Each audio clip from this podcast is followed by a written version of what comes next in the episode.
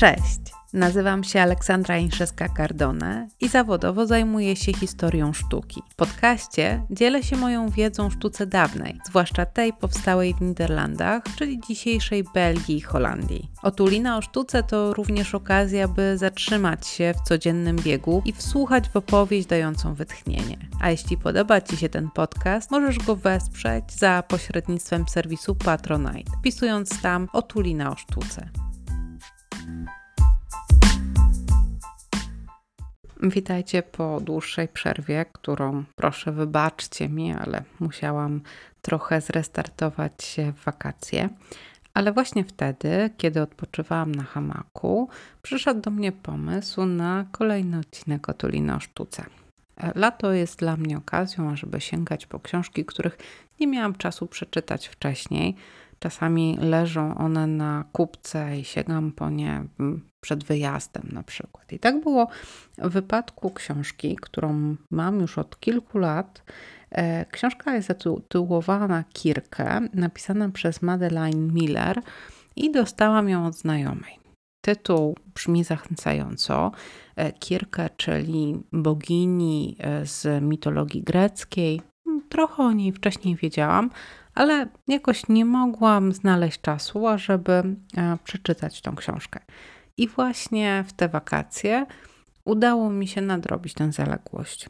I powiem Wam szczerze, że jestem pod dużym wrażeniem tej opowieści, chociaż mam świadomość tego, że nie do wszystkich przemówi, bo trzeba ją czytać wtedy, kiedy ma się nastrój na taką nieśpieszną opowieść i też ma się pewną wrażliwość na to, co to właściwie znaczy być kobietą. E, nad rozwojem wewnętrznym, nad też właśnie takimi różnymi stadiami, które wiążą się z różnymi niepewnościami, kiedy jest czas dorastania, z mm, tym, jakie trudy też przychodzą w ogóle w życiu w społeczeństwie. I może to wszystko brzmi niezwykle nowocześnie, ale książka ta dzieje się w czasach e, mitologicznych w zasadzie, bo tutaj zaczyna się, można powiedzieć, trochę poza czasem. I rzeczywiście jest to opowieść o Kirkę, czyli córce mm, Heliosa i jednej z Okeanid, czyli e, córek Okeanosa, Perseidy. E, I nie dociera ona do naszych czasów, tylko pozostaje w czasach antycznych. I tutaj zdradzę Wam małą tajemnicę, że niezwykle lubię mitologię grecką.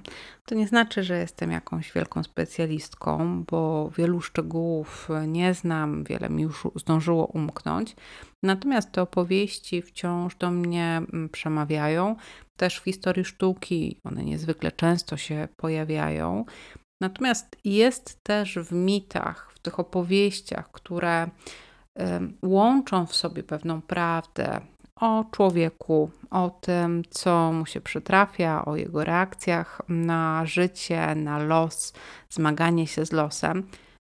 Dla mnie mity świetnie to podsumowują, świetnie o tym opowiadają. I taka też jest ta książka, e, przypominam książka Kirkę, e, ponieważ autorka zdaje się, że świetnie wyczuwa to, jaka jest materia mitu.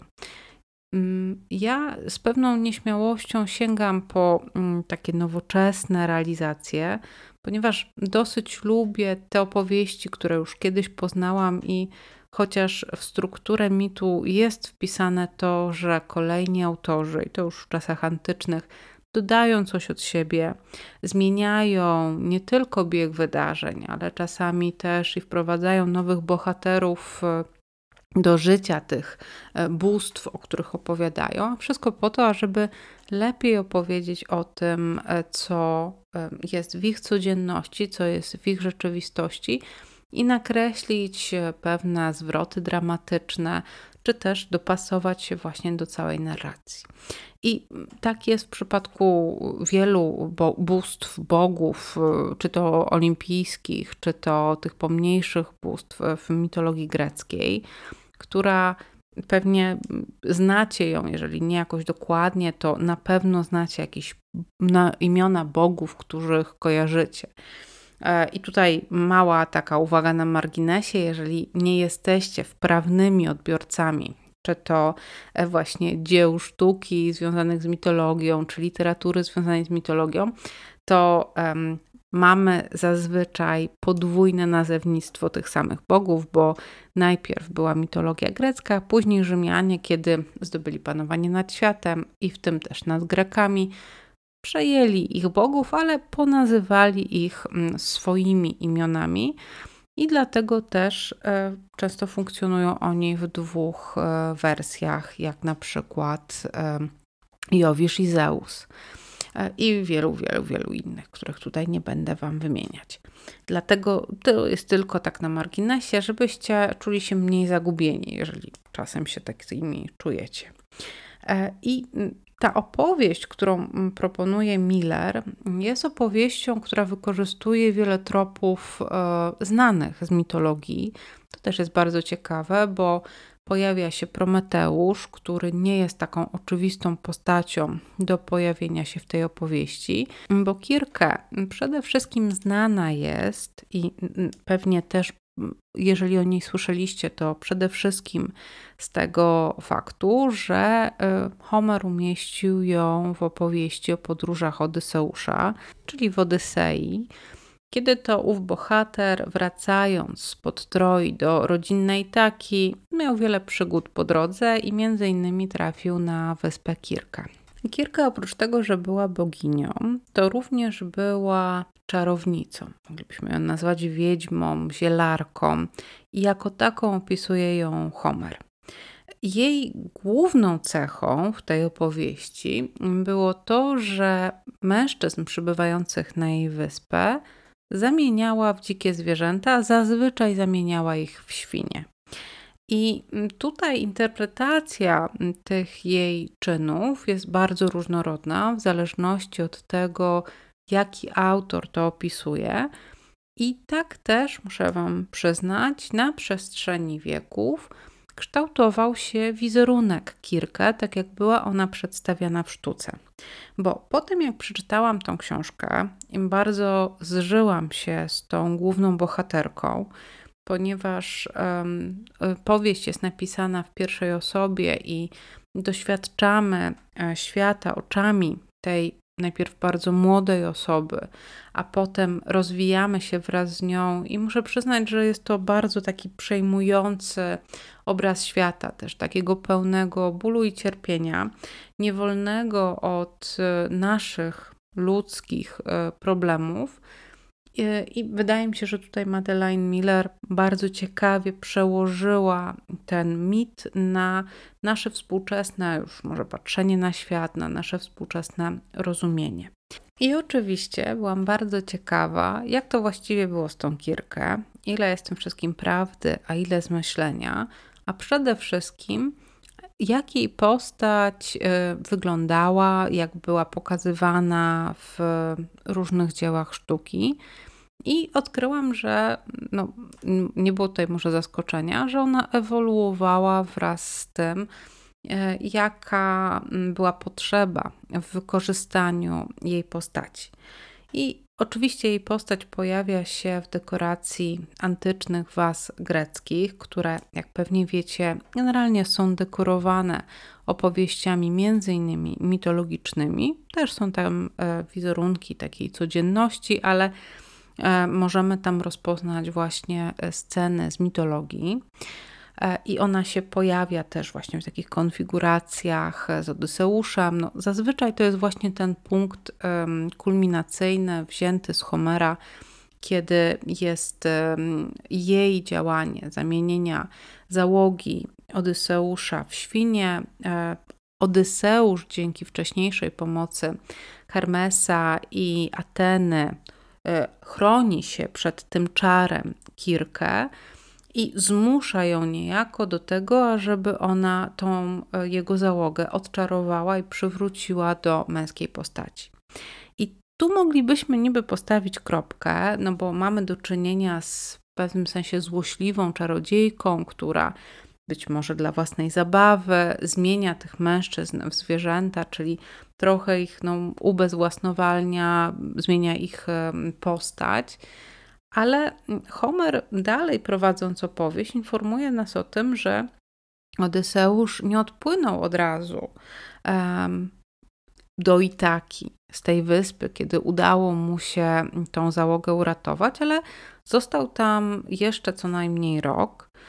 Miał synów, dwóch synów z Kirkę, którzy urodzili się podczas jego pobytu, ale do tego jeszcze Kirkę y, dawała mu rady, jak ma postępować, co ma czynić, ażeby bezpiecznie powrócił do tej Itaki.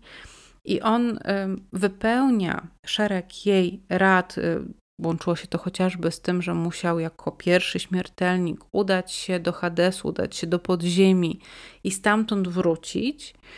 I on nie wraca i na drogę od razu do Itaki, ale znowu płynie na tą wyspę Kirkę i jeszcze z nią y, ustala y, dalsze szczegóły swojej trasy. Ona mu daje kolejne rady i dopiero on odpływa.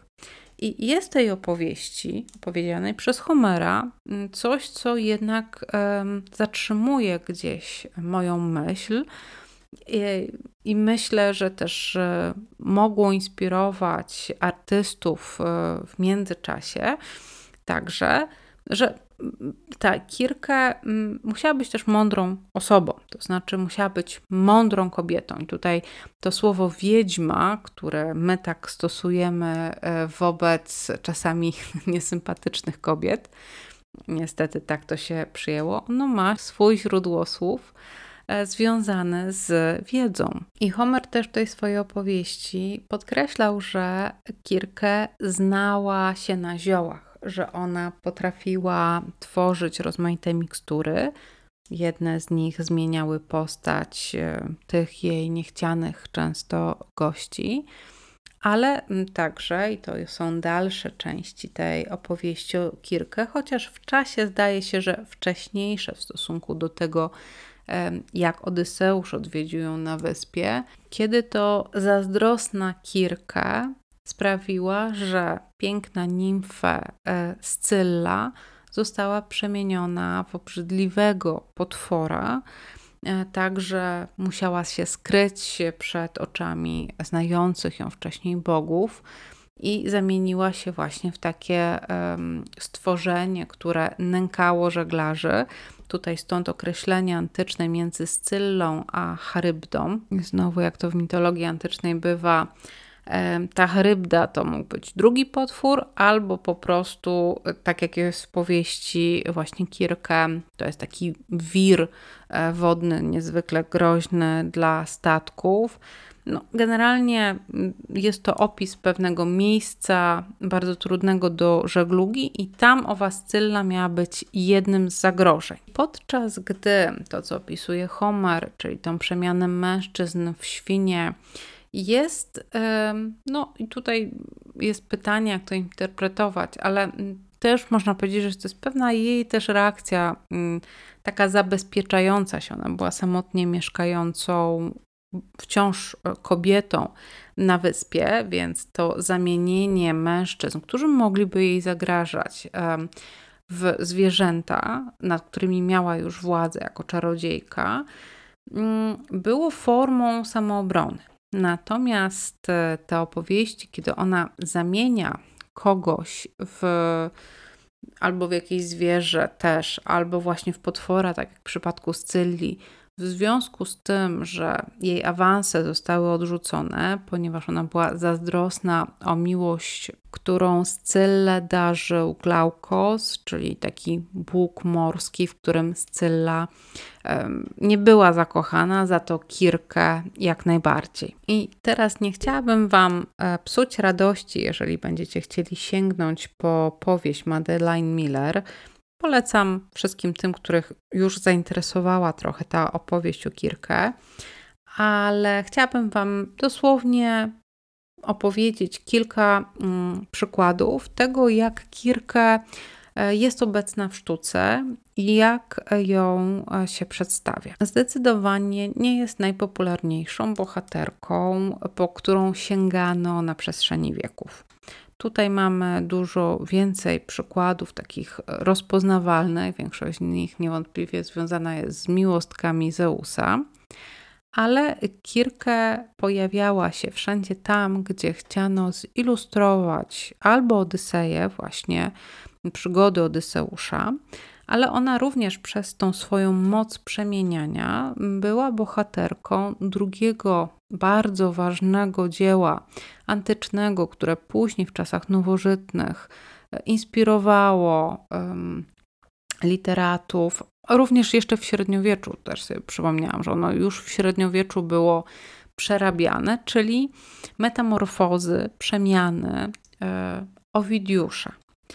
I tak jak to bywa z tymi opowieściami antycznymi, kiedy one były przejmowane przez twórców już czasów chrześcijańskich, one zyskiwały mm, nowy wymiar. I tak było w przypadku postaci Kirke, której historia opowiadana przez Homera była historią, która jednak dawała jej pewną sprawczość, to y, już w tych realizacjach chrześcijańskich e, Kirke stawała się, można powiedzieć, troszeczkę takim demonem e, cielesności, e, uwodzicielstwa, pożądania, a traciła ten aspekt swojej wiedzy, umiejętności E, korzystania z ziół, korzystania z czarów innych niż jej fizyczność. I ten umoralniający przykład, a trochę taki Arebi, czyli taki na odwrót, bo ona była, można powiedzieć, taką córką Ewy, czyli przypominała o tym e, sprowadzającym na złą ścieżkę uroku kobiet. To ona, ta jej opowieść, ta jej postać pojawiła się między innymi u Boccaccia, u Giovanniego Boccaccia, którego na pewno znacie dzięki Decameronowi, ale on był też autorem takich dwóch zbiorów, gdzie mm, opisywał żywoty z jednej strony sławnych mężów w historii, tutaj to, przez historię rozumiemy również mitologię, ale też pierwszego w zasadzie zbioru dotyczącego tylko i wyłącznie żywotów kobiet. I właśnie ta publikacja, zatytułowana o sławnych niewiastach, wydana została w 1374 roku i prezentowała ponad 100 życiorysów kobiet znanych z antyku, z mitologii, ale także z wcześniejszego średniowiecza. Natomiast ich żywoty, ich perypetie były już ukazane w takim umoralniającym trybie, umoralniającym duchu, czyli one były często negatywnymi też przykładami tego, jak nie należy się zachowywać, e, natomiast no, ich nazwiska były uwiecznione przez historię. Tutaj, żeby był parytet i równowaga, to tak samo w jego analogicznej realizacji o przypadkach sławnych mężów, on z kolei tam opisywał rozmaite przygody mm, znanych postaci męskich e, z, z tych samych źródeł, czyli z mitologii, z historii antycznej, no, którzy e, poprzez swoje wybory życiowe często opakowali się w tarapaty. I mm, tutaj ta postać właśnie Kirke u Boccaccia jest w takim drapieżnym, można powiedzieć, sosie utrzymana. Natomiast e, w odpowiedzi na tą książkę bardzo szybko e, powstała realizacja stworzona przez e, Christine de Pizan. To była francuska, tutaj jak ją nazwać, pisarka, myślicielka, poetka, która bardzo walczyła o to, ażeby status płci niewieściej, w kulturze zwłaszcza, był chroniony i to właśnie poprzez jej dzieła. I ona tutaj toczyła rozmaite walki, z, oczywiście literackie walki, z takimi dosyć mizoginistycznymi utworami, no i zarazem z ich twórcami także. Tutaj bardzo silnie zaangażowała się w taką debatę wokół powieści, opowieści o róży średniowiecznego eposu, w którym kobiety ukazywane były głównie jako wyrachowane kusicielki. I także Pizan wzięła na swój warsztat takie zestawienie znowu sławnych kobiet znanych e, z historii, e, to co zrobił Boccaccio, ale niejako w odpowiedzi na to jego podejście i tą jego realizację, ona stworzyła miasto kobiet. I tam przywołała też te postaci z przeszłości, gdzie one wszystkie były damami, ale nie damami z urodzenia, to, to, to nazwa im przysługiwała, ale um, takie właśnie zaszczytne miano było związane z ich um, wysokimi wartościami moralnymi, duchowymi.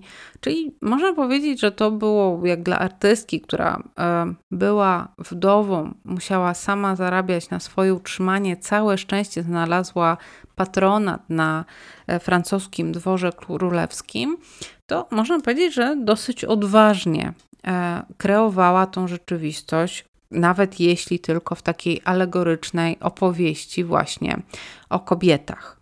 I też postać Kirkę jest tutaj przez autorkę y, umieszczona w tej opowieści.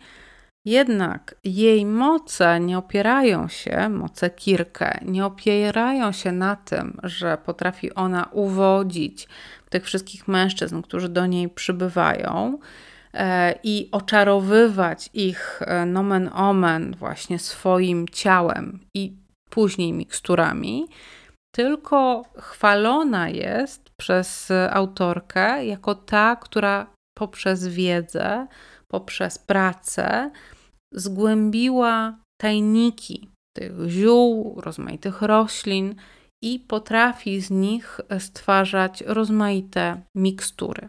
I tutaj pewnie dla Was wielkim zaskoczeniem nie będzie, że ilustracje, które towarzyszyły tym e, zestawieniom, o których Wam tutaj opowiadałam, no, podążały za tym trybem opowieści zaproponowanej przez autorów.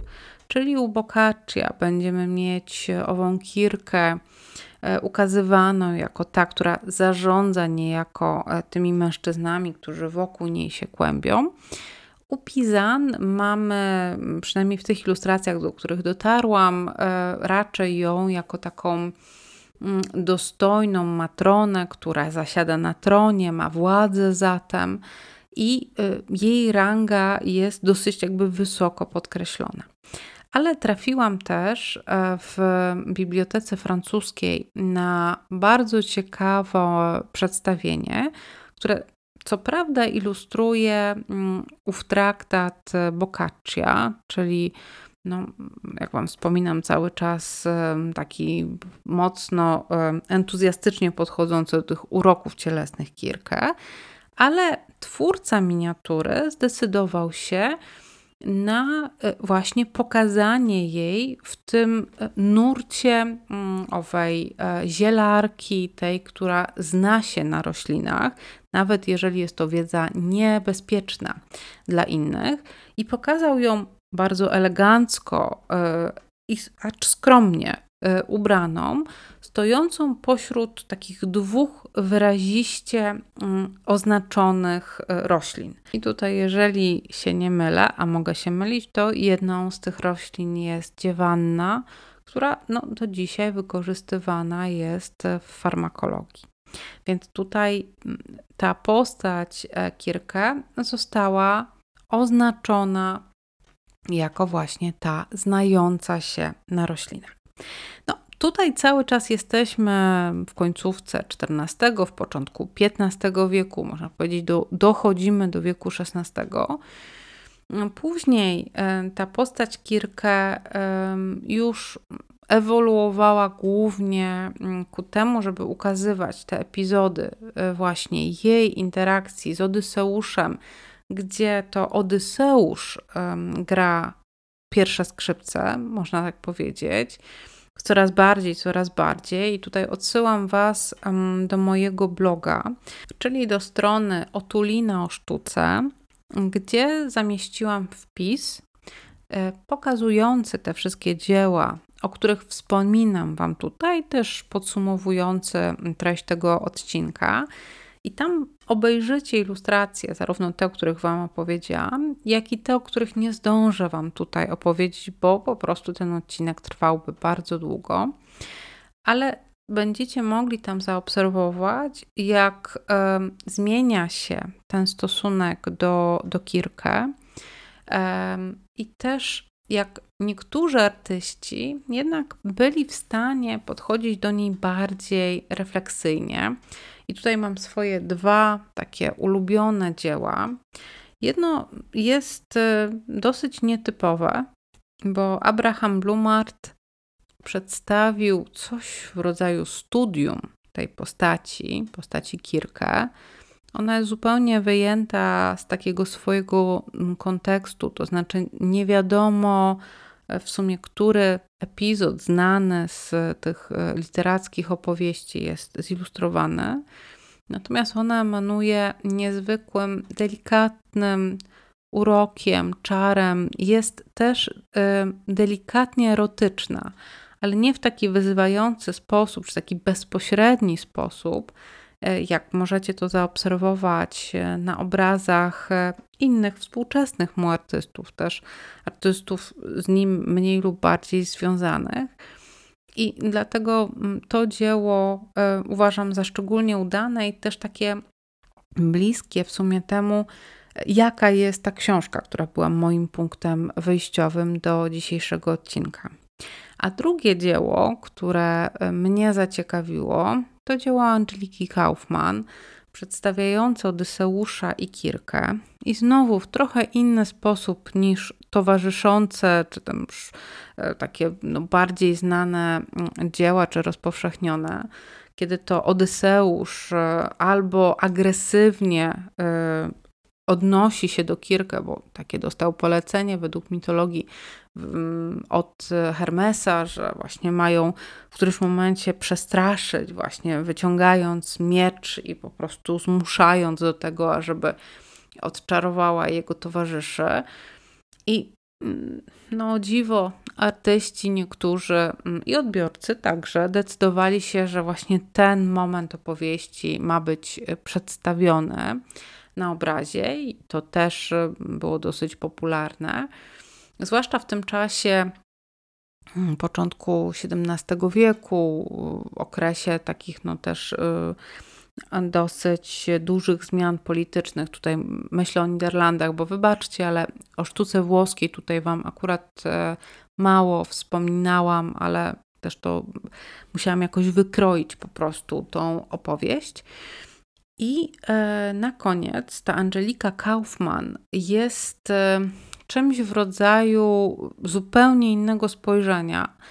Chociaż tam ta Kirkę też jest taka uwodzicielska, ta Kirkę też jest taką no, lekko roznegliżowaną e, bohaterką, ale między nią a Odyseuszem widać zupełnie inny rodzaj relacji. Trochę też taki, który pozwala nam zrozumieć, dlaczego ten Odyseusz został na wyspie Skirkę przez rok, a potem jeszcze do niej wrócił, bo tam jest rodzaj rozmowy między tymi dwoma postaciami. Widać, że oni się komunikują, że y, ta jej doradcza mm, strona, właśnie ona rzeczywiście, no to już Homer właśnie o tym pisał, dała mu dobre rady, takie rady, które bezpiecznie doprowadziły go do domu. I to jest ten aspekt, który rzadko był eksploatowany w sztuce, rzadko był wydobywany, pewnie jako, nie wiem, mało atrakcyjny pod względem kompozycyjnym. Tym bardziej jest to dla mnie ciekawe, intrygujące.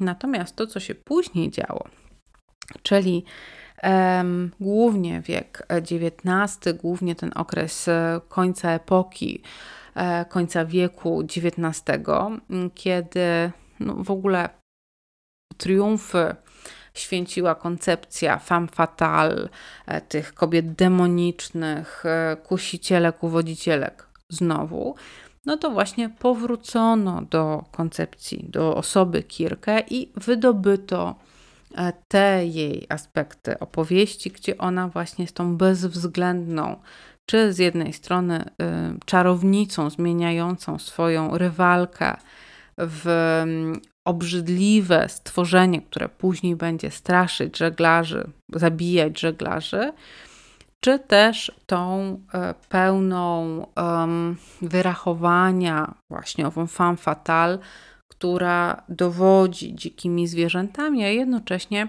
zmienia mężczyzn w zwierzęta. Niektórzy interpretatorzy dodawali, że ona jedynie wydobywała tą zwierzęcą naturę, która w owych mężczyznach była. Ale to jest właśnie e, ta XIX-wieczna interpretacja. Nie zdradzę Wam, jak Madeleine Miller prowadzi swoją opowieść, e, ale myślę, że tutaj tym naprawdę telegraficznym skrótem zarysowałam Wam, jak postać Kirkę e, zmieniała się w oczach e, odbiorców, jak była inaczej mm, kształtowana w sztuce i w literaturze. I myślę, że każdy z nas może, już mówię w mitach, znaleźć dla siebie też właśnie taki kawałek w różnych opowieściach. Natomiast jedyną drogą, ażeby to uzyskać, jest po prostu znajomość tych opowieści.